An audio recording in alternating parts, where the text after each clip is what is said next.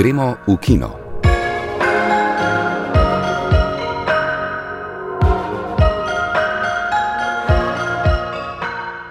Lepo zdrav.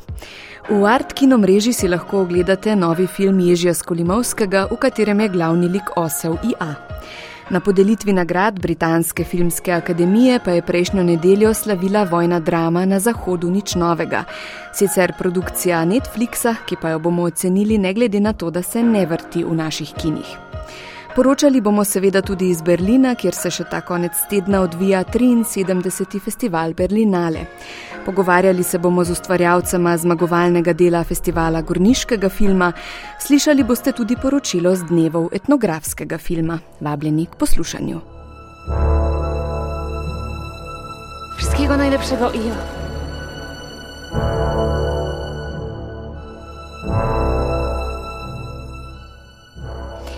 Redki so filmi, ki zgodbo pripovedujejo iz perspektive neke živali.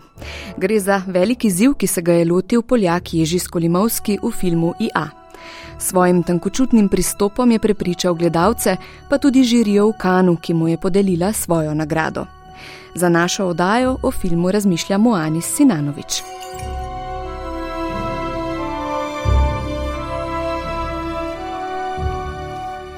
Najnovejši film izjemno uglednega in izkušenega polskega režiserja ter vsestranskega umetnika Ježija Skolimovskega, ki pripoveduje zgodbo osla, je tudi neposredni poklon kanonskemu Bresonovemu filmu o sličku Baltazarju iz leta 1966. Skolimovski je med drugim rekel, da je to edini film, ki je iz njega izvabil solze. Vendar tega izhodišča ne gre mistificirati. Nič nenavadnega namreč ni, če lažje sočustvujemo z biti, ki imajo manj moči kot mi, ki so nam scela podrejena, nam ne morejo škoditi, v katera zaradi njihove nemosti zlahka upisujemo lastne predstave in pričakovanja. Še več, velja biti previden, kajti zlahka bi prikaz živali lahko bil preveč počlovečen, udomačen za človeško zavest, skrivnost njene nepresegljive tujosti pa bi bila zakrita. IA je imel tako pred seboj težavno nalogo, ki jo je njen predhodnik opravil z odliko. Režiser se je odločil za nadvse pomenljiv, večplasten in osmišljeno nedorečen pristop nikoli nam ne pusti dvomiti, da je osel v človeškem svetu tujec. Kljub temu, da večina z njim lepo ravna, pa nikoli nima možnosti izbire, prostega gibanja in nima glasu, s katerim bi se lahko izrekel o svojih željah in pravicah, tudi pred tistimi, ki ga želijo braniti. Vedno znova se znajde v položajih, ki z njim nimajo posebne povezave, tudi če zanj skrbijo.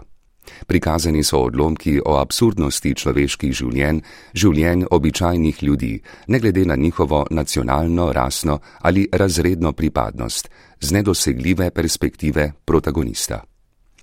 Gre samo za mimobežne epizode človeške bizarnosti, pred katerimi mu za kratek čas vedno znova uspe uiti, preden ga znova zaprejo. Pri tem njegova vizija ostaja združitev s cirkusantko Magdo, edinim človekom, s katerim je uspel enakovredno sodelovati in ki je do njega izražena enakovreden odnos, a so ga od nje odtujili ravno v imenu boja proti mučenju živali. Na drugi strani je skrivnostni svet neobljudenih naravnih pokrajin, ki žarijo v čudovitih vzorcih in lesku pravlične obarvanosti. Pred neposredno počlovečeno idealizacijo ga varujejo alternativni pristopi drugačnega pogleda skozi filtre, dromljajoča, težka glasba, posnetki z dronom in zamegljevanje. Povsem upravičeno je, da ti postopki niso enoviti, temveč nam v svoji namerni nekoherentnosti razpirajo brezno, ki nas v resnici loči od razumevanja, kako IA zares vidi stvari. Da dokončnega odgovora ne bomo dobili, nas prepričuje tudi romantična klasična glasba, ki se stalno giblje na meji med človeškim ter uspenjanjem v univerzalno. In kljub temu, da se film odvija na spolskem terenu, osel gre pa samo enkrat na let, mu uspe prav v tem, da ohrani mero, da nas nikoli ne poskuša prepričati, da je kaj več od človeške vizije, ki pa jo upodablja z dialoško empatijo. Osel in človek se gledata v ogledalo. Človek, ki se giblje v svetu svojega smisla, temu nikoli ne uspe zadostiti, osel pa je njegov ujetnik. Brez moraliziranja ali politiziranja, dovolj je samo poskusiti pogledati stvari iz perspektive drugega.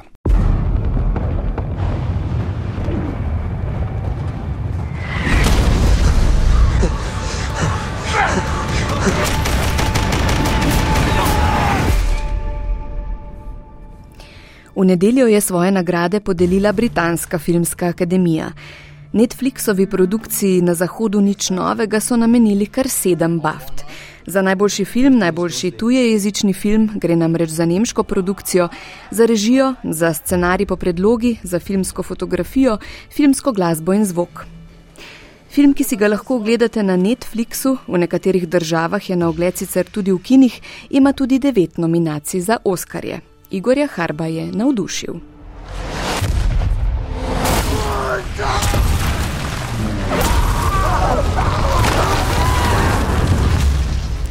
Glavni favorit letošnjih filmskih nagrad je priredba nemške literarne klasike Eriha Marije Remarka, ki je žal povsem nepričakovano ujel Zeitgeist vojne v Ukrajini.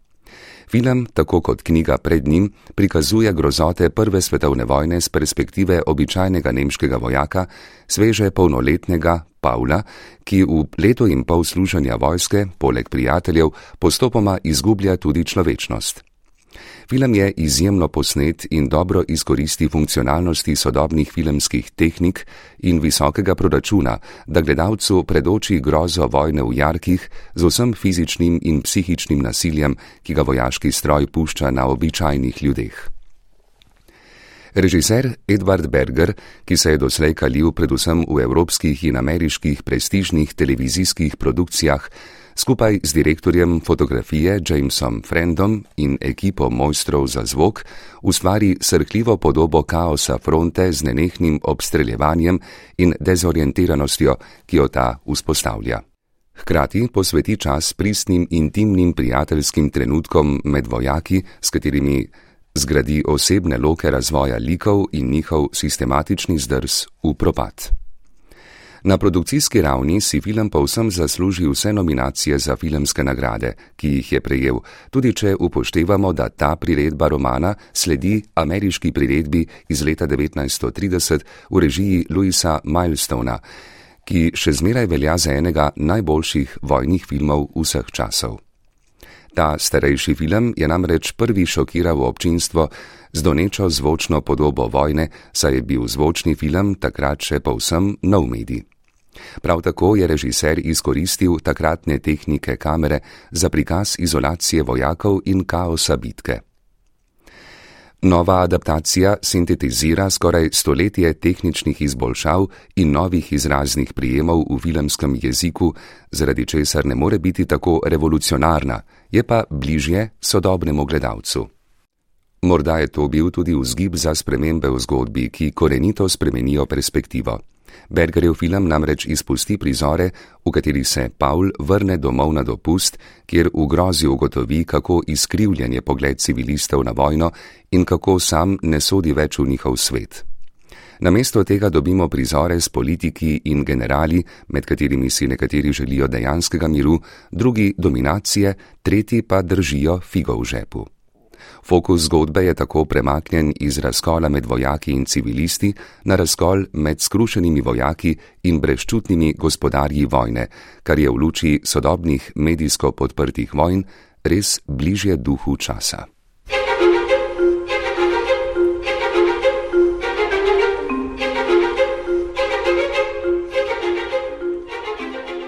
V Parizu bodo nocoj podelili Cezarje.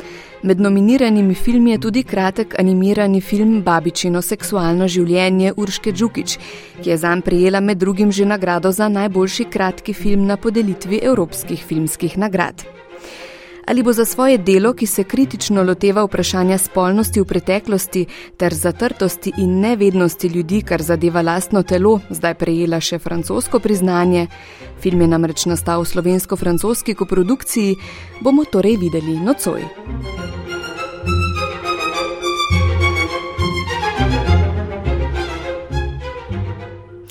V Berlinu pa se izteka 73. Berlinale.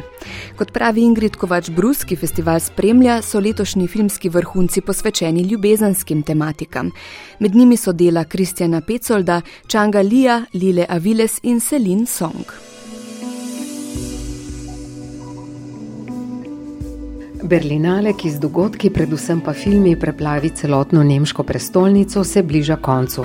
Jutri bo žirija, ki jo vodi ameriška igralka in režiserka, tudi aktivistka Kristen Stewart, podelila Zlatega medveda in druge nagrade. Sledi nedelja, ko se v desetinah kinodvoran po vseh berlinskih okrožjih še enkrat zavrti celoten filmski program. In naj zveni v času številnih pretočnih platform še tako neverjetno, vstopnice so tu vsak dan dobesedno razgrabljene v nekaj sekundah. Tudi tekmovalni program je tako pri koncu, čakamo še na zadnjega med 19 filmi v igri za visoko nagrado. Berlinale je poseben festival, ker je v nehvaležni časovni zanki, ki so jo različni direktori reševali na različne načine. Še pred četrt stoletja je festival nudil prostor ameriškim filmom, ki so tik pred podelitvijo Oskarjev tu začenjali svojo evropsko pot. Danes v prvi pravi pokoronski izdaji in ob vseh platformah, ki spreminjajo gledalske navade, pa stavijo na skrbno kuriran program. Prvaki iz sveta sedme umetnosti z nekaj izjemami namreč računajo na majski kan. V Berlinu vedno pričakujemo politične in angažirane filme, letos pa se je zgodilo, da so jih zasenčili filmi o ljubezni.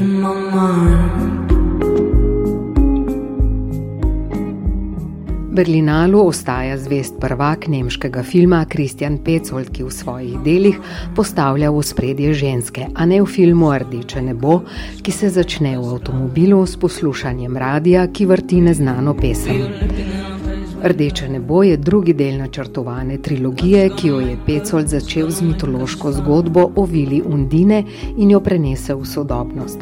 Rdeče nebo pa se začne kot Grimova pravljica sredi gozda, na katerega se spušča noč. V njem ostane sam mladi pisatelj Leon igra Tomaš Schubert in gost je poln grozljivih zvokov. Tomasa sem zares snimal, kot snimam ženske, tako kot sem snimal Barbaro, Undine, Nino Hos in Pavlo Ber. To razlikovanje, da se snima ženske drugače, je obstajalo v 50. in 60. letih. Film, wie man das früher in den 50er, 60er Jahren Kamera tako prodira v lik pisatelja, ki sluti, da njegov drugi roman, ki še nastaja, ne bo dosegel prvenca. Med poletnimi počitnicami v Baltskem morju pa bo spoznal še veliko drugega. Stolp brez senc, tak je naslov filma korejsko-kitajskega režiserja Changa Lija, je podobno atmosferičen film. V Pekingu spremljamo ljubezensko zgodbo med fotografinjo in kulinaričnim kritikom. Gre za lep, melankoličen film o ljudeh brez staršev, njihovem povezovanju, iskanju topline in družinskih vezeh v trdem političnem okolju, ki kruto spreminja življenja. Ne po naključju je film poln ogledal in zrcalnih podob, kotov in stvari, ki jih sicer ne opaziš. Najbrž je v filmu veliko ogledal zato, ker mislim, da živimo v svetu ogledal, v svetu odsevov. Svet je poln lomov in tako je tudi v filmskem svetu. Naše okolje je sestavljeno iz lomov in refleksij. Mehiški film Totem režiserke Lile Aviles je dinamična zgodba v družini, ki se pripravlja na vrtno rojstnodnevno zabavo. Vz dan spremljamo in spoznavamo njihove zapletene medsebojne odnose, predvsem pa odraščanje male Lil, ki medtem, ko iz različnih kotov opazuje odrasle, spoznava, da se vse želje o pihanju svečk ne uresničijo. Čeprav je Celine Song, newyorška režiserka ameriških korenin, svoj film Pretekla življenja že pokazala na festivalu v Sundanceu, je njen prvenec zagotovo tudi odkritje Berlinala. Še en presunljiv film o treh odraslih, ženski in dveh moških, je veliko več kot film o ljubezenskem trikotniku. Je film o življenjskih odločitvah in izbirah.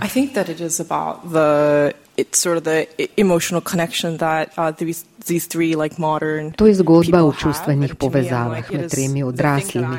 Za njo je to bistveno, ker jo vodi. Pristnost, resnica v tem, kako živiš, ljubiš, ljubiš drug drugega kot odrasla oseba. In še pogled na filme zunaj tekmovalnega programa, kjer so bili največje pozornosti deležni dokumentarci. Najprej film o vzponu in pacu nemškega teniškega asa, film Boom Boom, svet proti Borisu Bekerju, ameriškega režiserja, Aleksa Gibnija. Film smo najprej sprejeli zelo zadržano, saj se osredotoča na Bekarjevo športno kariero in velike zmage, njegove finančne težave, davčne utaje, zaradi katerih je pristal v zaporu, pa le oplazi. Po zapozneli informaciji pa gre očitno za prvi del zgodbe v športnem velikanu, ki ljubi tenis in se ne spozna na finance. Režiser Gibni je povedal, da se je struktura filma po intervjuju, ki sta ga posnela dva dni pred Bekarjevim odhodom v zapor, zelo spremenila. Um, Intervju je bil zelo močan in čustven, zaradi njega je moral spremeniti strukturo in osnovne elemente filma. V dokumentarcih pravijo, da so kot igrani filmi, le da scenarij napišeš na koncu, ne na začetku.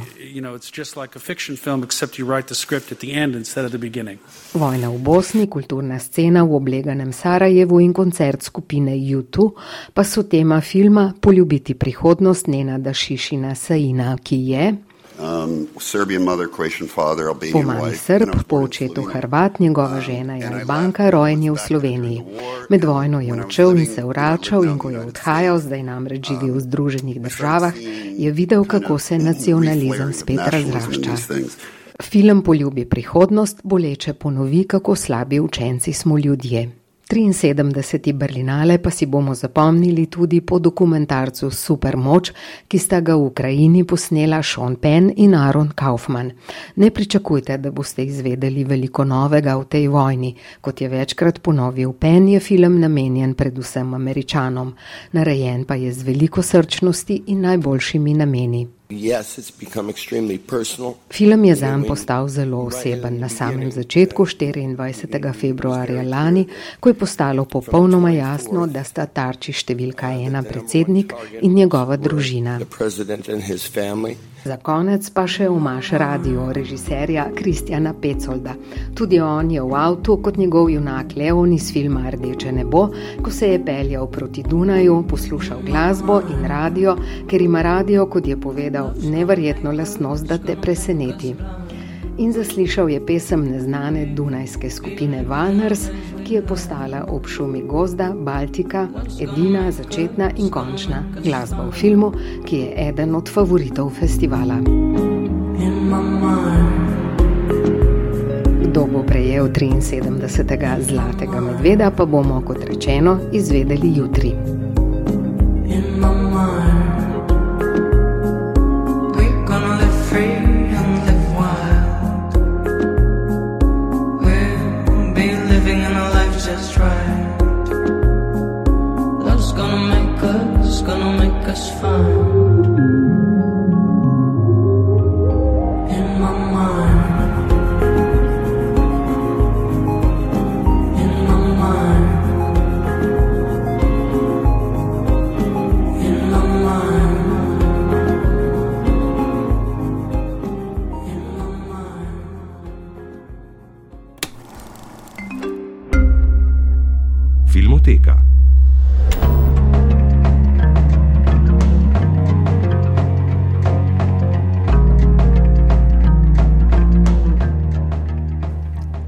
Nemški prestolnici torej do konca tedna poteka 73. mednarodni filmski festival. V filmoteki v aplikaciji RTV 365 tokrat izpostavljamo filme, ki so jih soustvarili slovenski producenti in jih predstavili na preteklih edicijah Berlinala. Pred desetletji sta se tam predstavila režiser Francis Lak s kriznim obdobjem in Matjaš Klopčič s Sedmino, ki je bila prikazana leta 1969 v sklopu posebnega programa mladega jugoslovanskega filma. V zadnjih letih so se v Berlinu uspešno predstavljale slovenske manjšinske koprodukcije. V filmoteki si lahko izposodite celovečerni prvenec Mlada noč režiserja Olma Omerzoja ter filma Oče režiserja Srđana Goluboviča in Bog obstaja, ime je Petrunja režiserke Teone Strugar Mitevske.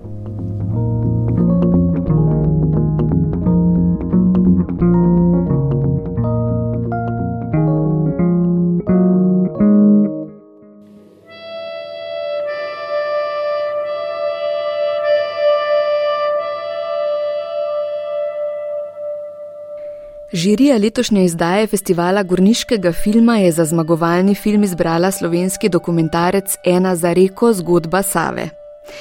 Med veslanjem od izvira Save do slovensko-hrvaške meje štirje kajakaši odkrivajo naravne lepote in opozarjajo na naraščajoče okoljske težave. Pripovedovalec zgodbe je reka sama, film pa krasita odlična fotografija in močna sporočilnost. Tako je zapisala žirija o filmu. Njegov idejni vodja in producent Rok Rozman. Ja, v bistvu ideja je padla z moje strani, kot že parkrat prej, um, zato ker sem v željo, da bi Slovenci res spoznali pa videli reko Savo. Ker sem kot kajakaš v bistvu sam pogruntal že pri sebi, da jo poznam samo ta del na Gorenskem, ostalimi pa dokaj neznan in kva še le za ostale. In težko je pričakovati, da bodo šli ljudje na vodo, si vzeli 14 dni, da spoznajo celo Savo, um, mi pa to lahko naredimo in jaz imam to srečo, da imam za prijatelje vrhunske snemalce, režiserje, um, glasbenike, montažerje in um, so se odzvali v Bilu in na koncu smo s to res majhno, ampak strastno ekipo uspeli narediti ten film, ki dosega ali pa dobiva preznanje, kot še ne tale danes režiser in snemalec Rožle Bregar. Rok zmeraj z neko idejo pride. No, in tudi tle, um, mi smo pač par let nazaj z Balkan River Defense, našim gibanjem, ano, um, naredili ta prvi film Nepoškodovane, ano, ki je zgodba o celem Balkanu. In pa je po parih letih spet prišel na idejo, kva če bi mi še v naši domači reki naredila na film. Ano. In to je bilo najprej ideja, naredimo en 15-minuten film, pa je to to, ano, sam, ko smo mi začeli. Um, gledati, kaj vse Sava ponuja in kakšne zanimive zgodbe ima. No, smo rekli, ne, ne, to si zaslužen celo večeren film. No. Tako da um, bil je pa izjemno hiter posneten, no, dejansko v 13 snemalnih dneh, kar je za, za tak celo večeren dokumentarni film zelo, zelo hiter. No. Ampak je pa predvsej več časa nam šlo v montaži, sigurno. Na letošnjem festivalu Gorniškega filma je tekmovala vrsta vrhunskih filmov o gorah. Zmagal pa je film o reki. Rok Rozman. Ja, definitivno je to, da, da je na festivalu gorniškega filma zmagal film o reki za nas še večji preznanje. Ampak to dojemamo kot to, da je naš film v bistvu homaš reki Savi, reka Sava pa teče dobesedno striglava. In tako kot vse druge reke, ali pa večina vseh rek na svetu, ima izvirne dele v gorah in v bistvu rek brez gora ne bilo, tako da je to neko logično nadaljevanje gorskega sveta, ki gre v nižino. Je pa res, da če bi primerjali kajakaše z alpinisti, smo mi verjetno baluni romantiki. Tudi alpinisti so romantiki, samo oni se matrajo v klanc, mi gremo pa zmeraj iz klanca in vmes malo bremzamo in se imamo fajn. Um, in na koncu koncev smo zelo podobni z njimi, samo da nas manjkrat zebe, ker njih tako da smo navdušeni. Pomemben vidik filma je okoljevarstveni. Izvemo, koliko hidroelektrarn so na Savi že zgradili in koliko jih še nameravajo zgraditi.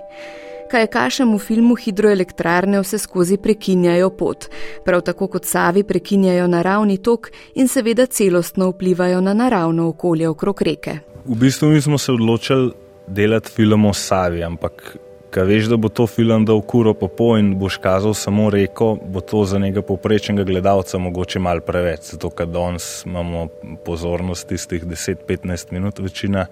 Zato smo se odločili, da bomo predstavili skozi pot štirih kajakašev. In te štiri kajakaši so eni zelo pojavni liki v realnem življenju in tudi v filmu niso čisto nič drugačni, ker je to dokumentarc. In medtem, ko spremljamo prek filma zgodbe teh štirih ljudi, en je boljši kajakaš, drug mal slabši, Karmen je tujka, Bor je recimo ornitolog. Se v bistvu skozi to razvijajo zgodbe o Savi, ki pa jih drugač naracija tako zelo umetno mogla razlagati. Le se pa organsko vse dogajalo, kar je pomenilo, da je bilo veliko več dela za snemalce, pa še več dela polomontaži. Ampak na koncu življenja je tako, ne moreš ga zaigrati, ne moreš mu napisati scenarija. Pač, če delaš film, veš, da bo več dela, ampak bo zato mu več duše ali pa srca. Režiser Ožle Bregar je povzel še slog filma. V bistvu gre za zelo, um, zelo drugačen film kot naš prejšnji in sicer tukaj smo se ga lotili na nek observacijski način. Ne. To pomeni, da pač mi sledimo toku, um, toku dogodkov, ki se hkrati nam dogajajo. Ne. In marsikaj mi vnaprej nismo predvideli, se pravi, mi smo imeli že nek ukviren, bomo rekli, rdečo nit ali pa scenarij, ampak zelo veliko se pa prepustiš dogodkom ne? in tak film naredijo potem še bolj pristan na te dogodke. Um, tudi recimo nismo uporabljali klasičnih govorečih glav, kot jim rečemo, intervjuji. Potem pa na drugi strani, ne, da smo pa pač zapolnili neke informacije v sami zgodbi, v samem filmu, smo pa dali tukaj um, prednost oziroma glas Savija, ne, se pravi um, Sabina Kogovšek, ki je tudi Gorenka, ta prava smo in igravka, smo hoteli, da je pač ona ta Sava, ki pač pripoveduje svojo plat zgodbe, ne, ki se prepleta z našo, tako da gre za neko tako unikatno kombinacijo. Toliko o dokumentarcu Ena za reko zgodba Save, zmagovalcu letošnjega festivala Gorniškega filma.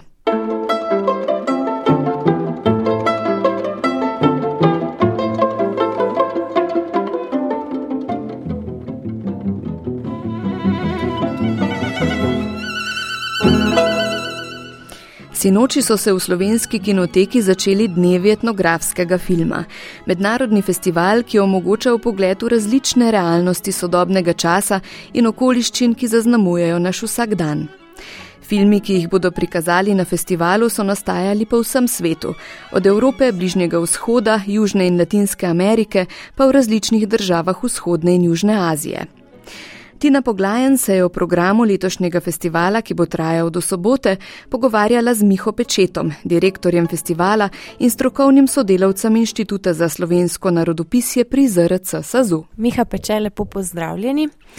Ob začetku dni etnografskega filma me zanima, odkud prihajajo filmi na letošnjem festivalu in kaj najpogosteje obravnavajo prihajajo predvsem avtori letos iz skandinavskih držav, torej Norveška, Danska, Nizozemska. Jaz bi rekel, da je to največ avtorjev iz tega področja. Obravnavajo pravzaprav res zelo raznolike teme. Tako da se že nekako hecamo, v bistvu otvorili smo festival z enim filmom o gobah in tudi, eh, kako bi rekel, zaprli ga bomo, a zadnji film je o gobah. Torej, to je edina tema, ki se nekako, če lahko rečem, da se ponavlja, ne? pa še to ni tema, to je samo nek motiv v filmu. Tako da dejansko vsak film ima čist neko samo svojo stvar. Eh, lahko recimo rečemo, da je tale otvoritveni film, ki bo danes večer ob osmih, to je od Pavla Boreckega, Živa voda. On je snemal v Jordaniji in sicer se je ukvarjal s problemom vode, s podtalnico oziroma vodo, ki se nahaja v puščavi, pa jo črpajo z um, posebnimi pumpami in potem iz tega pravzaprav um, poganjajo nek razvoj družbe, ki pa seveda ni vzdržen. To je on raziskoval sedaj dve leti, mislim, da in tem času je naredil tudi ta film, ki mislim, je eden tako bolj odmevnih in se mi zdi, da to tematiko zelo učinkovito predstavi. No, na programu pa sta tudi dva slovenska filma, ki pa sta posneta na zelo različnih koncih sveta. Tako je, res je. Ja. Eden je posnet v Latinski Ameriki, drugi je bil posnet v Nepalu. Če lahko tako rečem, dejansko mm, festival je že začel torej, začetnik festivala sega v več kot 20 let nazaj, kjer je Nadja Lentičič Forlan v Slovenskem etnografskem muzeju začela z rečemo temu letnim pregledom slovenske etnografske produkcije. In potem nekje leta 2007 smo se pogovarjali, če bi zadevo razširili na eh, celoten svet, torej na mednarodno v bistvu udeležbo. In v bistvu lahko rečem, da vseeno naš cilj je bil v tem, da bi dejansko se v mednarodni konkurenci naši filmi uspeli enakomerno v bistvu predstavljati. Ne. In letos ne samo, da so na našem festivalu dva filma, ampak jaz bi tudi rekel, to sta dva filma, ki se lahko normalno v bistvu udeležuje in se tudi udeležita dejansko tudi ostalih festivalov po vsem svetu. Ne. In to je v bistvu, s tem smo zelo zadovoljni, ni to naša zasluga, neposredno pa vse na nek način pripomoremo k temu. Pa ste se ob izbiranju filmov morda spraševali tudi o tem, kako specifičen je njun zorni kot, morda zahodni eh, pogled na tisto, kar smo, čemu smo nekoč rekli, države tretjega sveta. V samem žiriranju ne. Žiriranje je predvsem gre na neko, rečemo, kvaliteto, čeprav je to zelo tak neopredeljiv pojem, v bistvu je treba ga vedno napolniti z neko novo vsebino pri žiriranju. Perspektive to je že bolj stvar za nekoga, ki potem to gleda, pa mogoče malo razmišlja, ne, ali pa upazi nekatere obrazce ali kaj tasga. Uh, ne, v bistvu jaz lahko rečem, letos je drugo leto, kjer imamo pravzaprav spet tudi mednarodno žirijo, prej smo imeli, uh, kako bi rekel, samo slovensko. In tukaj dejansko gledamo samo, pač, koliko film dejansko uspe na nek način narediti tisto, kar si je zadal. To je v bistvu neka glavna stvar, s tem, da se potem žirija nikakor ne omejuje, ker pač vsaki avtor ima neke svoje cilje, ki jih poskušajo doseči. Ste pri letošnjih prijavah morda opazili kakšne posebne trende v produkciji etnografskih filmov zadnjih let? Mogoče je bilo še nekaj tega zvena od, zaradi COVID-a je bilo neke te topike izpostavljene. Uh, tudi dejansko na nek način je bilo malo manj filmov, rečemo 100 manj se jih je prijavili kot prejšnja leta, to je nekih 270, smo imeli tudi že več kot 400 filmov prijavljenih. In to imamo občutek, da je, vedno, da je še vedno neka posledica COVID-a. Um, od drugih topik pa res vsako leto mogoče se ena stvar bolj izrazito ponavlja ne, in je mogoče letos neke posebne, um, nekaj rečemo, neke vrstega mentalno zdravje, ena ta topika je bila dovolj uh, prisotna.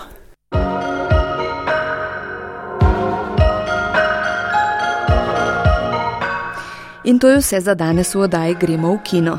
Bral je Bernard Stramič, glasbo je izbrala Tina Ogrin, zvočno je oddajo oblikoval Vito Plavčak, vodila pa sem jo Tesa Drevjuh. Lepo zdrav do prihodnič, ko bomo povedali, kaj pripravljajo na festivalu dokumentarnega filma.